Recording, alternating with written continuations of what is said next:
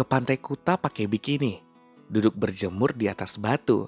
Terima kasih sudah berkunjung di podcast ini. Selamat mendengarkan cerita radio episode 1. Selamat datang di episode 1 podcast cerita radio Cerita Random Dios. Ini cerita pengalaman pribadi dan dari sudut pandang gua ya. Selamat mendengarkan.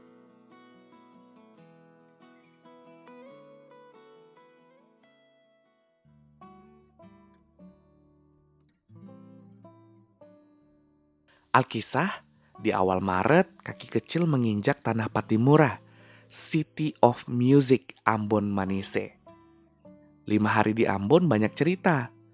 Mata kuda gua terbuka dan melek banget nih rasanya. Selain makanan yang enak, wah kalau ngomong makanan enak, gua ingat nih ikan kuah kuningnya Ambon. Selain itu, ada pemandangan alam yang sangat luar biasa dan banyak situs budaya dengan cerita luar biasanya.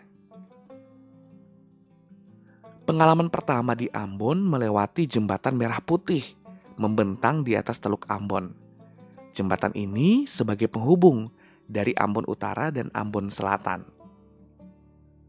Dahulu, sebelum adanya jembatan merah putih, maka perlu naik kapal feri atau speedboat untuk bisa dari Ambon Utara ke selatan ataupun sebaliknya. Maka jembatan merah putih ini sebagai perekat dan pemersatu. Hari kedua, driver mengajak ke Maluku Tengah, tepatnya di Hila. Katanya sih, di sana ada masjid tertua di Maluku dan gereja tua. Oke, baiklah, let's see.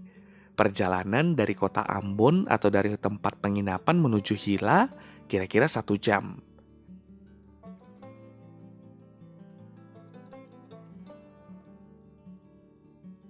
Selama perjalanan, Pak driver bercerita bahwa masjid dan gereja ini berdekatan dan itu sudah terjadi sejak dulu. Sambil memutar lagu lawas, perjalanan menuju Hila ditemani jalan desa dengan rimbunan pohon hijau.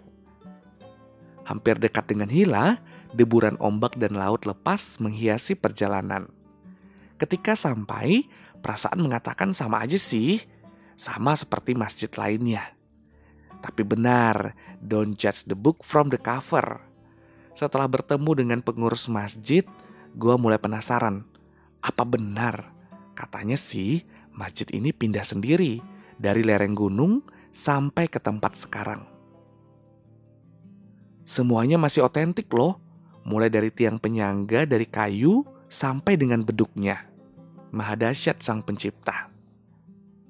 Setelah puas menerima informasi masjid tertua di Maluku, kita menuju gereja tua Immanuel. Tidak jauh, hanya lima menit perjalanan dan itu pun langsung sampai.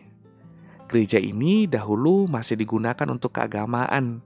Hanya saja, gereja ini menjadi salah satu saksi bisu dari Perang Saudara pada tahun 1999.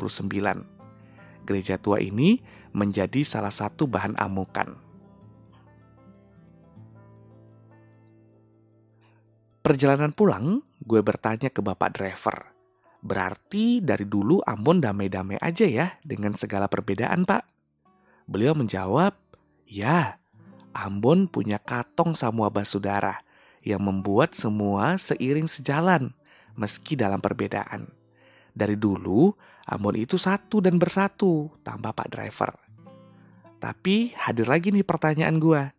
Kenapa bisa sih konflik Ambon 99 hadir? Beliau mengatakan, itu sih ada orang yang bukan penduduk asli Ambon ingin merusak tanah Ambon. Perusak bukan pemersatu. Tapi tahun 2018 Ambon ternyata menjadi salah satu dari 10 besar kota toleransi di Indonesia.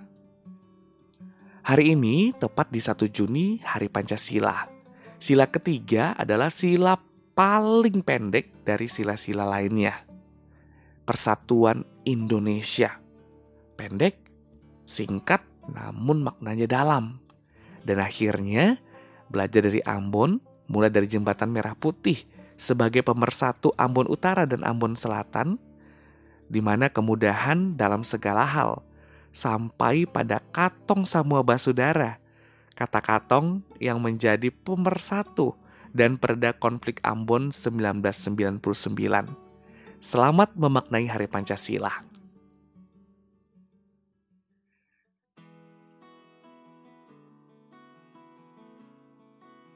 Dari Sunda ada cerita Kabayan, paling jago menumpas tokang gaduh. Jangan pernah kita lupa semboyan, bersatu kita teguh, bercerai kita runtuh. Jika ada saran dan masukan untuk podcast cerita radio, tentunya sangat diperlukan untuk peningkatan. Guys, jadilah orang baik, karena orang pintar, orang kaya, dan orang tenar semakin banyak. Tapi orang baik tergerzaman. Thank you dan sampai jumpa di podcast selanjutnya.